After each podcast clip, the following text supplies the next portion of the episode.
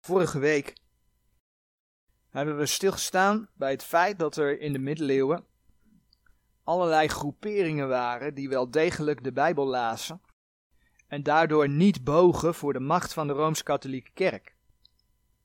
De Bijbel die zij lazen was de oude Latijnse Vulgaat. En dat werd ook een Vulgaat genoemd. En vandaag zullen we ook de verwarring zien waar Rome gebruik van heeft gemaakt. En die heeft namelijk een vervalste vulgaat op de markt gebracht. Dus als mensen vandaag de dag over de vulgaat spreken, dan, dan hebben ze het over die, die Roomse vervalsing. Terwijl er een oude Latijnse vulgaat was. En die had men, die oude Latijnse vulgaat, een getuige van de reformatietekst zoals wij die kennen in de Statenbijbel en de King James 1611. Het gevolg was dat die groepen door Rome tot ketters bestempeld werden en dat ze zwaar vervolgd werden. Miljoenen bijbelgelovende christenen vonden de dood. En vele bijbels werden verbrand. En wanneer wij dan in onze christelijke encyclopedieën kijken, dan zien we dat deze mensen in navolging van Rome ook als ketters beschreven worden. En daarin zien we dus hoe de stempel die, die Rome op de geschiedenis heeft willen en kunnen drukken, ja, hoe ze dat gedaan hebben. We zagen het voorbeeld van dit kaartje. Uit een atlas die je gewoon in een evangelische boekhandel koopt. En daar staat dan in ketterijen in het middeleeuwse Europa. We hebben ook gezien welke groeperingen dat waren. En dat waren groeperingen die veel dichter bij de Bijbeltekst bleven dan dat Rome deed. Groeperingen die zich ook vasthielden aan Gods woord. Met andere woorden, al die stippen op die kaart, dat waren niet ketters. Daar woonden geen ketters, daar woonden mensen die de Heeren dienden. Daar woonden gelovigen. En zo zagen we hoe boeken, hoe het, gewoon vervalst is. Hoe de geschiedenis door Rome vervalst is. En dat vind je ook in je protestantse boeken. Dus gewoon overgenomen. bijna iedereen die leert nu dat er in de middeleeuwen één christelijke kerk was en dat was Rome. Ja, en daarnaast waren er ketters. Ketters die vervolgd werden, omdat zij een dwaalleer zouden volgen. Maar het waren dus geen ketterse groeperingen maar mensen die veel meer bijbelgetrouw waren dan Rome. Zeg maar de bijbelgelovigen van de middeleeuwen. Met name binnen die groepen vond je dus ook de gemeente van de Heer Jezus Christus. Ik zeg met name, want er zijn best Rooms-Katholieken die wel hun hart aan de Heer Jezus hebben gegeven. Al kunnen wij ons misschien niet voorstellen dat ze dan binnen die kerk blijven. Maar ze zijn er. Zo was er een vroege Syrische vertaling, de Peshitta. 157 na Christus ook een getuige voor het feit dat de Bijbel, hè, die wij in de Reformatietekst, gewoon de Statenbijbel en de King James kennen, hoe God zijn woorden daarin bewaard heeft. En hoe die tekst dus bij de eerste christenen in omloop was. Zo zagen we dat de Bijbel ook reeds vroeg in het Gotisch, een Germaanse taal, vertaald was. In circa 350 na Christus was er de gotische Bijbel van Wufilat. Maar dat betekent dus dat daarvoor al Bijbelgedeelten in het gotisch rondgingen. Gods woord was er gewoon. Gods woord werd gewoon gelezen door mensen. En die gotische tekst die getuigt van de Statenbijbel, van de King James tekst. Nou, dat alles dat sluit volledig aan en die teksten gaan we nogmaals lezen. Bij het feit dat Paulus reeds in 60 na Christus zei dat de Heer Jezus Christus door de prediking geopenbaard is. Door de profetische schriften onder al de heidenen, want dat zijn de woorden die God gebruikt, onder al de heidenen bekend is gemaakt. Laten we die versen nogmaals lezen in Romeinen 16, vers 24 tot en met 26.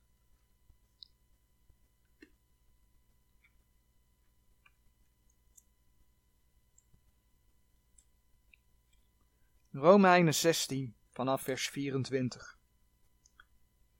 De genade van onze Heer Jezus Christus zij met u allen. Amen.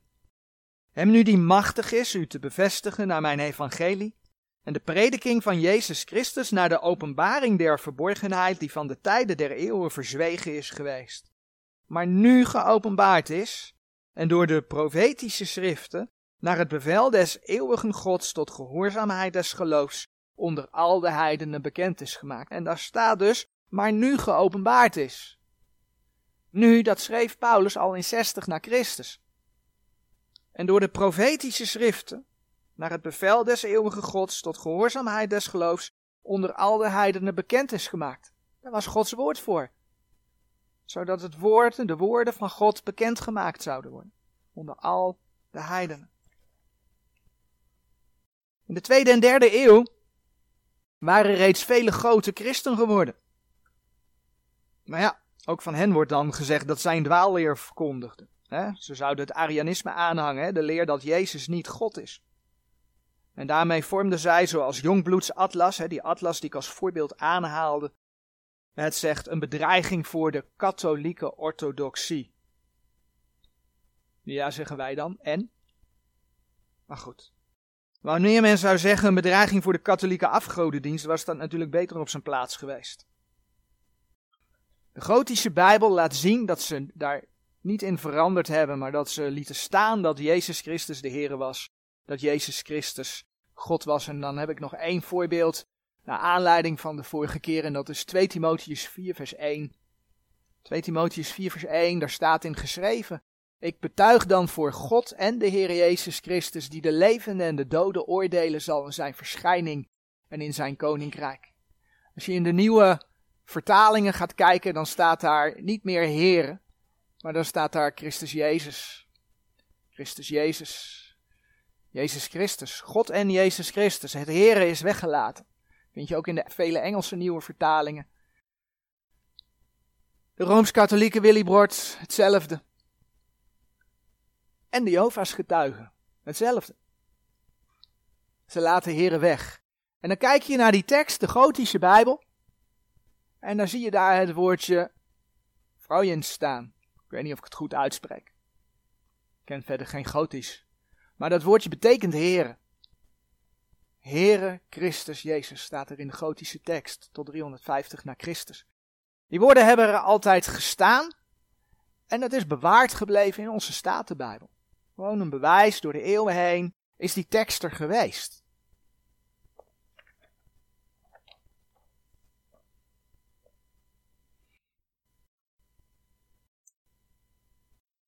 Rome heeft dus de geschiedenis ten gunste van zichzelf herschreven. Daar komt het eigenlijk op neer. De Gotische Bijbel laat dus zien dat er reeds vroeg christenen waren die naast het Grieks, Latijn en Syrisch Gods woorden lazen in het Gotisch, een Germaanse taal. Gewoon een Europees vasteland. Gods woorden, de profetische schriften, werden onder al de heidenen verkondigd. Ja, en daardoor werden ze dus uiteindelijk ook weer vervolgd. Vandaag wil ik beginnen met een vraag. En die vraag is als volgt. Wie heeft het christendom naar Nederland gebracht? Wie was de eerste evangelist in Nederland? Iemand die het weet? Nee. Sorry. Ja, de naam die in, in Nederland het meest bekend is, die meestal uh, dan geroepen wordt, is Bonifatius. Bonifatius. En het feit dat dan de meeste mensen Bonifatius zouden zeggen, en ik kom zo even met voorbeelden, dat bewijst ook weer dat Rome de geschiedenis vervalst heeft. Toen ik op school zat, leerde ik al dat Bonifatius degene was die als eerste in Nederland het evangelie verkondigde en zo het christendom in ons land vestigde. Dat kreeg ik op school om te leren, gewoon protestants-christelijke basisschool. Ik had een filmpje willen laten zien, maar op de een of andere manier, of dat komt doordat het filmpje oud is, ik weet het niet, lukt het met het geluid niet. Nou, we gaan niet alleen naar bewegende beelden zitten kijken, dus ik laat het niet zien. Maar ik, ik had een filmpje van School TV, waarin je dus te horen krijgt, eh, er wordt voor kinderen gemaakt, hoe Bonifatius degene was die in Nederland het evangelie verkondigde en daardoor door die vreselijke heidenen vermoord is bij Dokkum. Want dat is het verhaal van Bonifatius. Ik haal Bonifatius even tevoorschijn. Hij zou zich met zijn Bijbel geweerd hebben, maar hij zou gedood zijn door de heidenen. Feit dat dat algemeen verkondigd wordt blijkt ook uit, ook toen ik kind was, keek ik naar de kinderkrant van de EO, van de Evangelische Omroep. Die toen de tijd overigens nog best aardige kinderprogramma's had. Maar er zat vaak een stukje in waarin ook verhalen uit de kerkgeschiedenis vertelden. Onder andere over degene die het evangelie naar Nederland gebracht heeft. En je kunt dat online vinden als je daarna gaat zoeken. En dan zie je dat ook de EO in die tijd verkondigde dat het Bonifatius was die de eerste evangelist in Nederland was. Dat is gewoon het aanvaarde verhaal. Maar het is wel Roomse geschiedvervalsing. Ik ben op zoek gegaan en vond inderdaad sporen van het feit dat Bonifatius met geweld het Rooms-Katholicisme verbreidde. Onder Germanen, die soms al lang christen waren.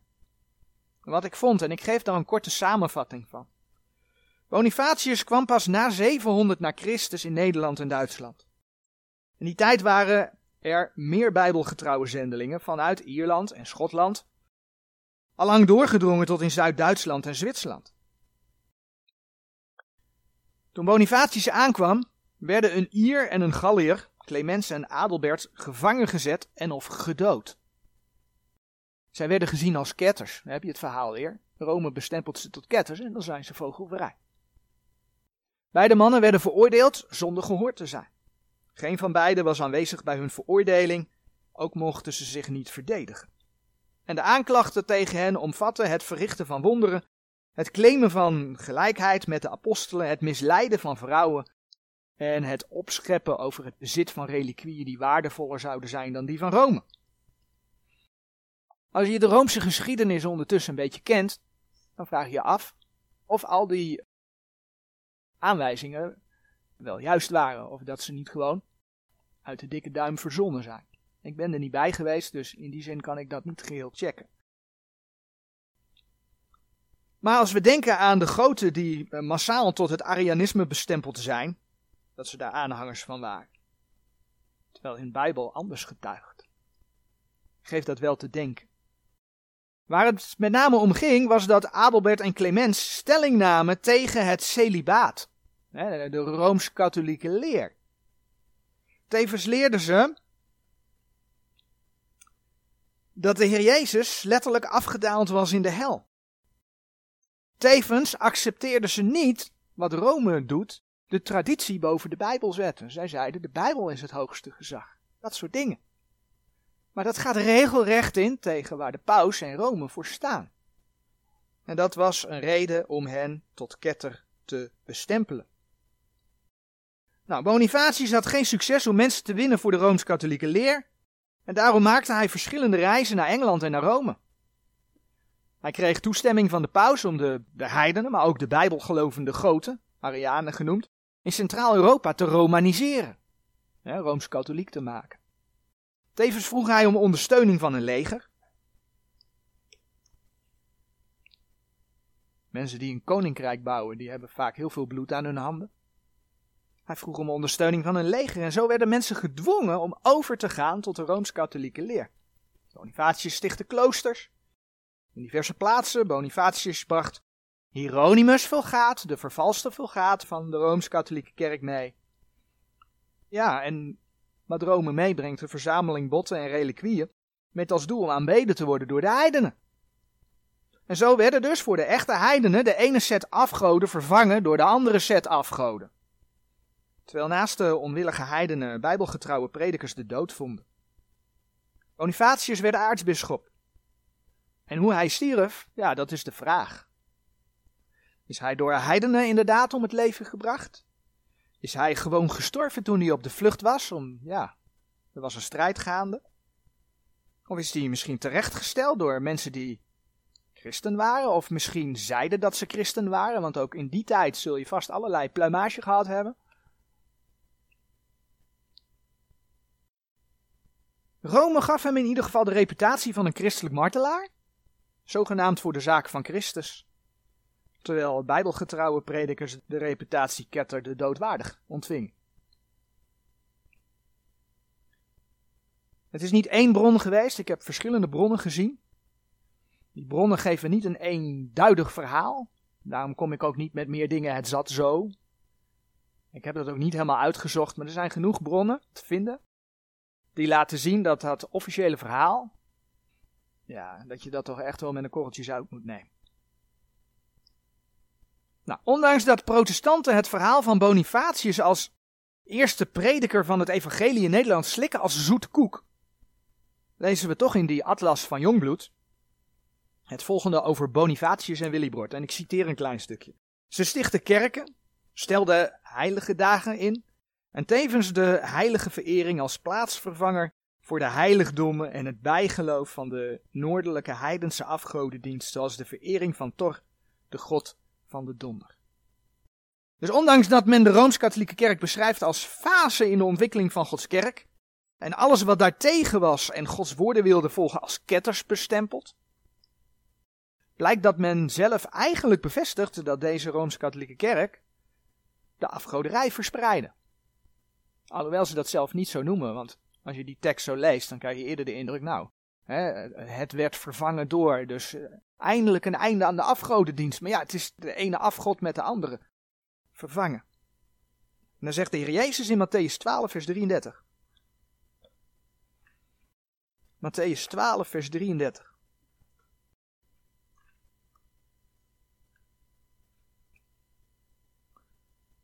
Het laatste stukje van dat vers. Want uit de vrucht wordt de boom gekend. Want uit de vrucht wordt de boom gekend. De Rooms-Katholieke Kerk heeft helemaal niets met de ontwikkeling van de kerk, de gemeente van Jezus Christus, te maken. Als ze kan, dan vervalst ze de geschiedenis. En zij is dronken, zegt de openbaring 17 vers 6. Dat vers hebben we de vorige keer ook gelezen. Dronken van het bloed der heiligen. Terug naar de geschiedenis van Gods woord. Overigens die foto die erbij staat op die dia. Dat heeft dus te maken met een processie. Waarin men allerlei reliquieën de kerk in draagt. Om die te vereren. Vandaar dat ik dat plaatje erbij heb gedaan. Hoezo verkondiger van het evangelie. Terug naar de geschiedenis van Gods woord. Zoals men in Nederland leert dat Bonifatius de evangelie bracht in circa 700 na Christus. Zo leert men ook dat het evangelie pas in Engeland kwam in 597 na Christus. Door een zekere Augustinus. Echter ook voor Engeland geldt dat het evangelie daar al voor die tijd binnengedrongen was. De oude Latijnse vertalingen die blijken ook in Brittannië al tussen 100 en 200 na Christus in circulatie geweest te zijn. Dus er waren mensen al lang met Gods woord bezig, al ver voor die tijd. Vaak wordt aangenomen, een plaatje van die man erbij gedaan, dat John Wycliffe de eerste Engelse Bijbel voor het eerst in het Engels vertaald had. En ook dat hij dat deed aan de hand van de Vulgaat. Nou, dan krijg je met die Roomse vervalsing te maken. Men neemt dan aan die Roomse vervalsing, de Roomse Vulgaat. Nou, daar is hele verdeeldheid over, als je daarna gaat zoeken. Maar we gaan straks in wat overzichten de tekst, de Bijbeltekst van Wycliffe ook bekijken. En dan zie je dat de Bijbeltekst van Wycliffe ook getuigt van de reformatietekst. En dat betekent dat Wycliffe misschien wel een vulgaat als basis heeft gehad van zijn tekst. Maar dan gaat het om de oude Latijnse vulgaat. Maar Wycliffe's vertaling is zeker niet de eerste vertaling in het Engels. Wycliffe gebruikte voor zijn vertaling namelijk ook al reeds bestaande vertalingen. Zo werd voor het Engels van vandaag de dag Angelsaksisch gesproken, een soort oud-Engels, een vroege vorm van de Engelse taal. En volgens Wikipedia was Angelsaksisch de taal tussen 450 en 1150 na Christus, maar er zijn bronnen die zeggen dat dat al eerder gesproken werd. Ja, en ook in het Angelsaksisch was Gods woord dus bekend. Wycliffe die geeft in zijn proloog, bij zijn Bijbel, bijvoorbeeld aan dat ene Beda de Bijbel reeds in het Angelsaksisch vertaalde en dat dat om het Engels ging van zijn dagen. Ja, dan heb je het over ongeveer 700 na Christus. Ja, dus Gotische Bijbel tot 350, Angelsaksisch 700. Maar ook daarvoor moet de Bijbel dus in de Angelsaksische taal al bekend zijn geweest. De meerderheid van overgebleven Angelsaksische handschriften laat net als bij de Gotische Bijbel zien dat die niet vertaald zijn uit een vervalste vulgaat, dat deze niet vanuit vervalste Alexandrijnse handschriften ontstaan zijn, die door, en ik noem de namen even, zo rond 1800, 1880 door de heren Westcott en Hort gebruikt zijn om een valse Griekse tekst te maken. Maar dat die gebruik heeft gemaakt van de oude Latijnse vulgaat bijvoorbeeld. En dat betekent dat de Bijbeltekst reeds voordat de paus de macht kreeg, in Engeland al lang circuleerde. In het Angelsaksisch. En eigenlijk dezelfde inhoud had zoals wij die kennen in onze Statenbijbel en de King James 1611. We gaan niet de hele geschiedenis van de Angelsaksische Bijbel nalopen. Maar laat ook in dit geval de tekst voor zichzelf spreken. Ik ga dus gewoon een aantal teksten bespreken. En je ziet, ik heb een uh, lijstje gemaakt. Vorige keer hebben we onder andere gekeken naar Lucas 4 vers 4. In Lucas 4 vers 4 staat, en Jezus antwoordde hem, zeggende er is geschreven dat de mens bij brood alleen niet zal leven, maar bij alle woord Gods. En we zagen toen dat eigenlijk in nagenoeg alle nieuwe vertalingen dat laatste stukje maar bij alle woord Gods weggelaten wordt. En we zagen toen dat we dat dus wel hebben in de Reformatietekst, de Statenbijbel, de King James 1611. En we zagen toen dat het Gotisch in 350 na Christus die woorden ook heeft, maar bij alle woord Gods. Wat doet het Angelsaksisch? Nou, als je dan naar het Angelsaksisch kijkt, dan kom je daar ook de woorden tegen die staan voor maar bij alle Gods woord. De woordvolgorde is in die taal net even anders, maar de woorden staan erin. Een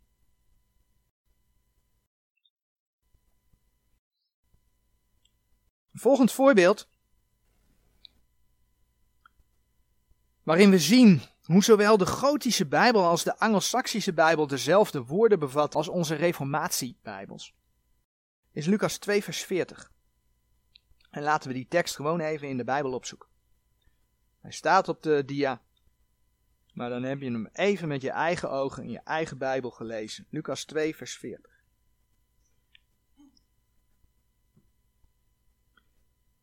En het kinderke wies op en werd gesterkt in de geest en vervuld met wijsheid en de genade Gods was over hem. Nou, wat zie je gebeuren het gaat om in de geest.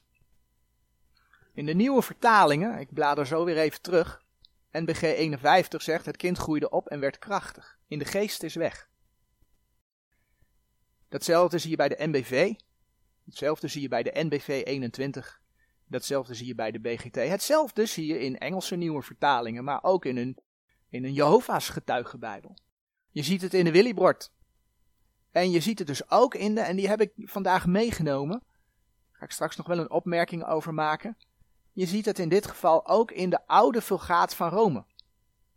De Engelse vertaling daarvan. En the child grew and walked strong. In de geest is weg.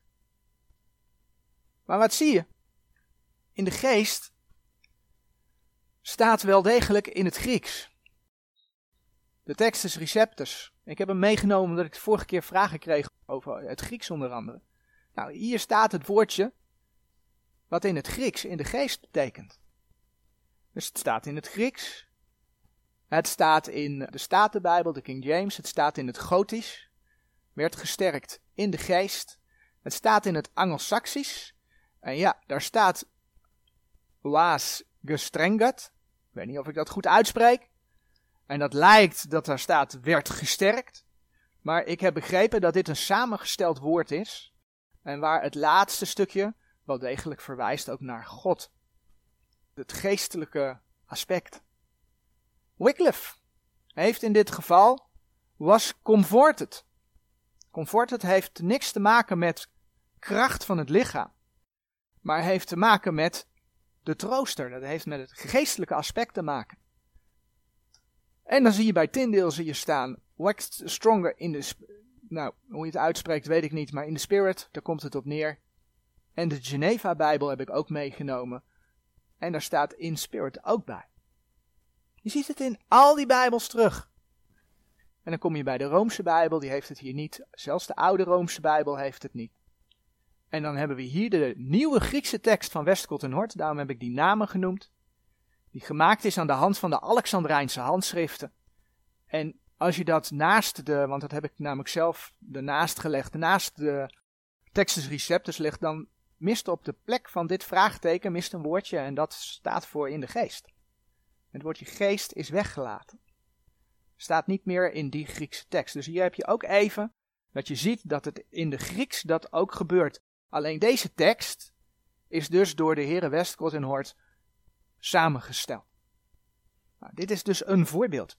Men is gericht op het feit dat Jezus Christus blijkbaar een krachtige gestalte was of zo. Want dat, hè, als dat in de geest er niet bij staat, kun je dat denken. Maar het gaat niet om zijn lichaam. Het ging niet om zijn lichaam, maar het ging om zijn geest. Hij werd gesterkt in zijn geest. Dat is Lucas 2, vers 40.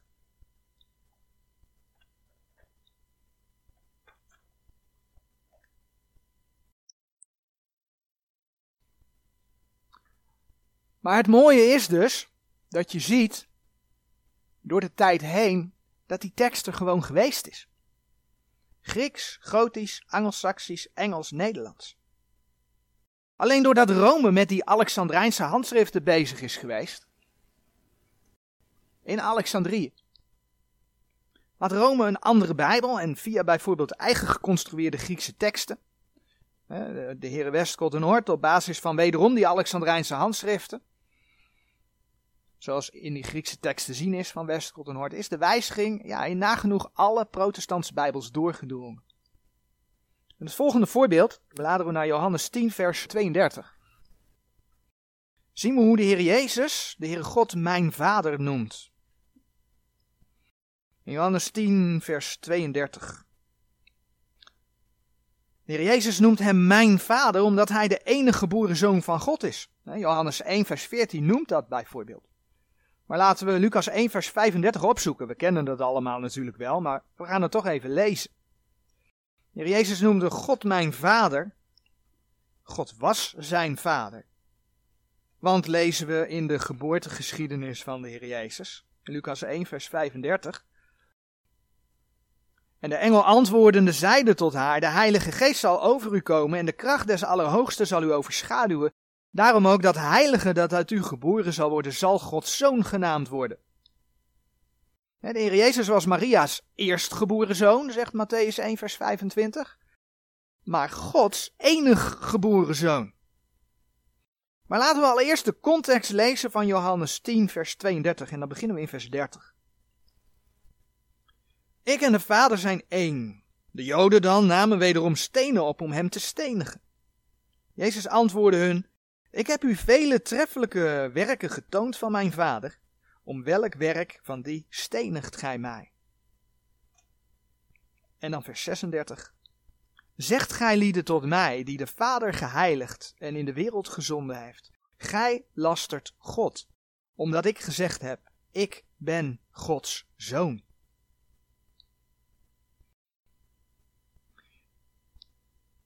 Dus er staat mijn vader. En kijk wat er gebeurt, hè? Het, het Grieks, de tekst is receptus, het woordje vader en het woordje mijn. Dus het Griekse woordje mijn. In het Gotisch staat er ook vader en mijn. In het Angelsaksisch staat er mijn vader. Wycliffe heeft ook mijn vader. Tyndale heeft ook mijn vader. De Geneva-bijbel heeft ook mijn vader. En dan ga je naar de nieuwe vertalingen kijken en dat is niet consequent. De ene keer vallen ze terug op de tekst zoals die overgeleverd is, de andere keer veranderen ze het. In dit geval gaat de oude Roomse Bijbel gewoon my father, mijn vader zeggen, maar de nieuwe Roomse Bijbel, Willy Bord, die heeft er de vader staan. En dat is dan ook aan de hand van de Griekse Westcott en Hortekst onder andere, want het woordje mijn is hier weg. Vader staat er alleen nog in het Grieks, Westcott en Hort. En dan zie je dus dat diverse Engelse vertalingen de vader hebben staan. NBG 51 heeft nog mijn vader, maar de NBV, de NBV 21 en de BGT hebben de vader staan. De vader. Oftewel de relatie van het feit dat Jezus Christus, dat het zijn vader was, is weg. De vader. dat zou dus ook een vader kunnen zijn. Terwijl de Bijbeltekst zegt mijn vader.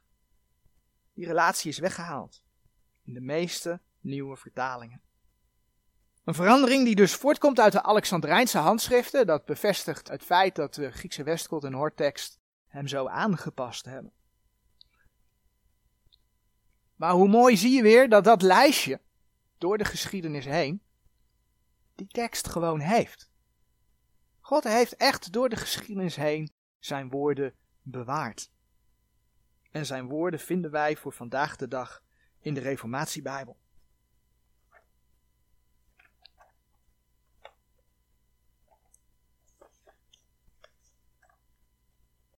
Nog een voorbeeld. Johannes 9. Laten we naar Johannes 9 toe bladeren. In Johannes 9 geneest de Heer Jezus een blind geborene. Nu krijgt de Heer Jezus in Gods woord de titel Zoon van God, maar ook de titel Zoon des Mensen. Dus is het dan fout wat de nieuwe vertalingen in Johannes 9, vers 35 doen? Hier zien we Zoon van God staan. Ik zal het al even snel laten zien. Je ziet daar meestal staan mensenzoon. Zoon van God is vervangen door mensenzoon. Is dat dan fout? Want ja, op diverse andere plaatsen komen we ook in de Statenbijbel bijvoorbeeld tegen dat de Heer Jezus de titel de Zoon des Mensen krijgt. Is dat fout? Ja, weet je, het is punt 1 gewoon een aanpassing van de Bijbeltekst, dus het is fout. Punt. Het is niet goed. Je moet de tekst niet veranderen. Niet door iets weg te laten, niet door iets toe te voegen, niet door iets te veranderen. En weet je dat dat hier uit de context blijkt van Johannes 9? Want in die context gaat het er namelijk over dat de Heer Jezus van God afkomstig is. In Johannes 9, vers 16 staat bijvoorbeeld geschreven. Sommigen dan uit de Fariseeën zeiden: Deze mens is van God niet, want hij houdt de sabbat niet. Anderen zeiden: Hoe kan een mens die een zondaar is zulke tekenen doen? En er was tweedracht onder hen. En verderop lees je dat de blindgeborene, dat hij zegt in vers 32 en 33. Johannes 9, vers 32 en 33. Van alle eeuw is het niet gehoord dat iemand eens blindgeborene ogen geopend heeft. Indien deze van God niet waren, hij zou niets kunnen doen. Nou, het gevolg voor die man is dat hij geëxcommuniceerd wordt. Hij wordt de synagoge uitgeworpen, vers 34. Dat is overigens precies wat bijbelgelovende christenen door de geschiedenis heen gebeurd is. Door bijvoorbeeld de keizers, de pausen, Bonifatius. Maar die man wordt niet afgewezen door de Heer Jezus. In vers 35 zegt de Heer Jezus, gelooft gij in de Zonen Gods? En nu willen de nieuwe vertalingen daar dus van maken, op grond van de Alexandrijnse handschriften. Gelooft gij in de Zoon des Mensen, als ik hier de MBG 51 even citeer of de NBV in de NBV 21, gelooft u in de mensenzoon? Dat is een inconsequente verandering. Die de context geen recht doet. Een verandering die de Heer Jezus Christus geen recht doet. Want heel duidelijk blijkt uit de context dat de Statenbijbel en de King James 1611 gewoon kloppen. De Heer Jezus vroeg, geloof gij in de Zonen Gods? Dat is waar die man van getuigde. En wat zien we dan? De gotische tekst heeft zoon en God. De Angelsaksische tekst heeft Gods zoon. Wycliffe heeft zoon van God. Tyndale heeft zoon van God. Geneva heeft zoon van God. Gods woord is door de tijd heen er echt geweest. En dan kom je hier en dan zie je hier weer, daar ga ik zo'n opmerking over maken, dat de oude Roomse Bijbel wel degelijk nog zoon van God heeft staan, maar de nieuwe, hè, Willy Bord bijvoorbeeld, heeft er weer mensenzoon staan. En dat is op basis van de Griekse Westkot en onder andere, want daar staat zoon in de Griekse Westkot en en deze woorden in het Grieks betekenen des mensen. Men heeft het veranderd. Evenals in de New World Translation. Noem hem er iedere keer even bij, over als getuige. Precies hetzelfde. Nou, ik noemde het al even. Die oude Roomse vulgaat. Dat hij soms de vertaling nog heeft, zoals wij hem ook in de Statenbijbel zien staan. De nieuwe Roomse vertalingen hebben de tekst vaak wel aangepast. Wat vaak speelt, is dat uh, nieuwe protestantse vertalingen vaak meer veranderd hebben dan Rome in het begin. Westcott en Hort waren enerzijds onder invloed van Rome, anderzijds gingen zij vanuit die antichristelijke geest veel meer aanpassen. Aan de hand overigens van Vaticanus en Sinaiticus, de geschriften, de Alexandrijnse geschriften, onder andere die twee. Maar de lijn is duidelijk. De schriftkritiek over het algemeen haalt de Zoon van God het liefst weg. Ondanks dat de context duidelijk maakt dat het schriftgedeelte juist over de Zoon van God gaat. Een laatste voorbeeld. Zoals de Heer Jezus aan de blindgeborene vroeg: Gelooft gij in de Zonen Gods? Zo zien we op diverse plaatsen in de Bijbel dat het gaat om geloof in Hem.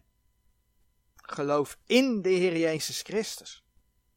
Want ja, Johannes 14, vers 6, die tekst kennen we allemaal wel. De Heer Jezus Christus zei van zichzelf: Ik ben de weg, de waarheid en het leven. Niemand komt tot de Vader dan door mij, zei hij. En zo lezen we in Marcus 9, vers 42. Marcus 9, vers 42. En zo wie een van deze kleinen die in mij geloven ergert, het ware hem beter dat een molensteen om zijn hals gedaan waren en dat hij in de zee geworpen waren. Waar het nu dus om gaat, is, zijn die woorden in mij.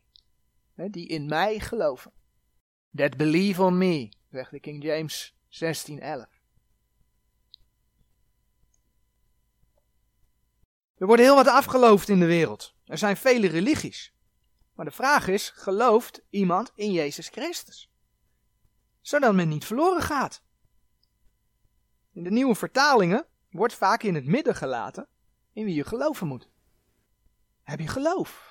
Heb je geloof? Ja, er zijn een heleboel mensen die wel geloof hebben. Maar geloof je in Jezus Christus, wat Hij voor jou gedaan heeft?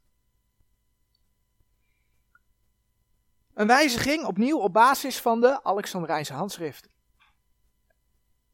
Op de plek waar hier in de Griekse Westkot en Hortekst twee vraagtekens staan, zijn deze twee woorden, in mij, ijs eme, zijn weggelaten. Is weg. Opnieuw zie je dus dat voorbeeld, de oude Roomse heeft het wel, de nieuwe Roomse heeft het niet. Hier is het weggelaten. NBG 51 heeft de woorden niet. En hier zie je opeens dat de NBV gekozen heeft om de woorden er maar weer eens even in te zitten. He, willekeur is troef, zeg maar. De ene keer doen we het wel, de andere keer doen we het niet. De BGT heeft ze weer weggelaten. Twee nieuwe Engelse Bijbels die het ook niet hebben. De nieuwe wereldvertaling heeft het ook niet. Maar opnieuw zien we dus dat als je in die lijn kijkt, Textus Receptus, Gotisch, Angelsaksisch, Wycliffe, Tyndale, Geneva, het heeft er altijd in gestaan. Totdat men met die Alexandrijnse handschriften bezig ging. Of dat dan oude Rome is, of het nieuwe Rome, om het maar even zo te noemen. Of uh, de protestantse, zogenaamd protestantse wetenschappers. Maar door de tijd heen hebben bijbelgelovende christenen geweten dat het gaat om geloof in Jezus Christus. Is eigenlijk ook de vraag die nog wel eens gesteld wordt. Ja, in de Bijbel voor, voor de Statenbijbel dan, en de Bijbel voor de King James dan. Nou, die is er altijd geweest. Alleen dat weten mensen vaak niet. Hetzelfde zien we in Johannes 6, vers 44. Is misschien een beetje klein, laten we het even in de Bijbel opzoeken. Johannes 6, vers 47. Voorwaar, voorwaar zeg ik u, die in mij gelooft, heeft het eeuwige leven. Die in mij gelooft, heeft het eeuwige leven. En opnieuw zie je dus dat in de nieuwe vertalingen, de Griekse Westkort en Horst tekst mist die Griekse woorden. Rooms-Katholieke Willybord heeft ze niet. Nederlandse nieuwe vertalingen, die versen die ze niet hebben. Een enkele, hier is het omgekeerd. Hier heeft de MBV de woorden en mij niet en de BGT weer wel. Willekeur troef. En een aantal, hè, de American Standard Version, de nieuwe International Version hebben het ook niet. De nieuwe wereldvertaling, ik noem hem weer even, heeft hem ook niet. Maar opnieuw zie je dus dat zowel de Textus Receptus, de Gotische Bijbel, de Angelsaksische Bijbel, Wycliffe, Tyndale, Geneva, hebben de woorden in mij. Dus daar waar het gaat, daar waar mensen vaak zeggen ook nog, ja, maar de King James is ook de zoveelste vertaling. De Statenbijbel is ook de zoveelste vertaling. Mensen, kijk naar die woorden. Ze hebben er gewoon altijd in gestaan. Hier zie je inderdaad dat de spelling van Wycliffe ja, een beetje verouderd ten opzichte van Tyndale. Maar er staat hetzelfde. Er staat hetzelfde. Je ziet door de tijd heen dat de Bijbeltekst duidelijk was. Alleen daar waar die Alexandrijnse handschriften toegepast worden, zien we afwijkingen van de Bijbeltekst komen. Of dat nu Rome heden ten dagen is, Rome in het verleden is, of dat nou protestanten zijn. Die dat dan weer sinds 1880 opgepakt hebben aan die herontdekte Alexandrijnse handschrift. Maar waar ik nog op wil wijzen. Eigenlijk zie je hier de ecumene ontstaan. Hè? Dit gezamenlijk, al die nieuwe vertalingen gezamenlijk, inclusief de Griekse tekst van Westcott en Hort, Rome en de Jehovah-getuigen en de andere protestanten. Je ziet dat daar allerlei veranderingen gezamenlijk doorgevoerd worden in de Bijbeltekst. De een net een beetje anders dan de ander. Terwijl deze tekst staat. En die wordt afgewezen. Hier zie je de ecumene. De tekst is onzeker, het wisselt nog wel eens. Wijkt stelselmatig af van de door de Heer bewaarde Bijbeltekst. En het maakt niet uit of je rooms-katholiek, protestant of Jehovah's getuige bent. Dus er ontstaat een ecumene. Niet alleen in de kerken, maar ook in Bijbelvertalingen. Terwijl Gods woord getuigt, laten we die tekst opzoeken in 2 Petrus 1 vers 19. 2 Petrus 1 vers 19. En wij hebben het profetische woord dat zeer vast is. Zeer vast. En gij doet wel dat gij daarop acht hebt, als op een licht schijnende in een duistere plaats, totdat de dag aanlichte en de morgenster opga in uw harten. En wij hebben het profetische woord dat zeer vast is. Dat is wat de Heer getuigt. De vijand van God, Genesis 3 vers 1, die heeft gezegd al in het begin, is het ook dat God gezegd heeft? Vraagtekens plaatsen bij de woorden Gods. Dus aanpassen. Maar God zegt, 2 Petrus 1 vers 19, dat zijn woord zeer vast is. En dan wil ik opnieuw afsluiten. Woorden ben ik de vorige keer ook mee geëindigd. Met de tekst in 1 Petrus 1 vers 24 en 25. Want op deze manier hebben we gezien ja, door de voorbeelden van de Gotische en de Angelsaksische Bijbel heen, dat de Heer door de eeuwen heen zijn woorden wel degelijk bewaard heeft.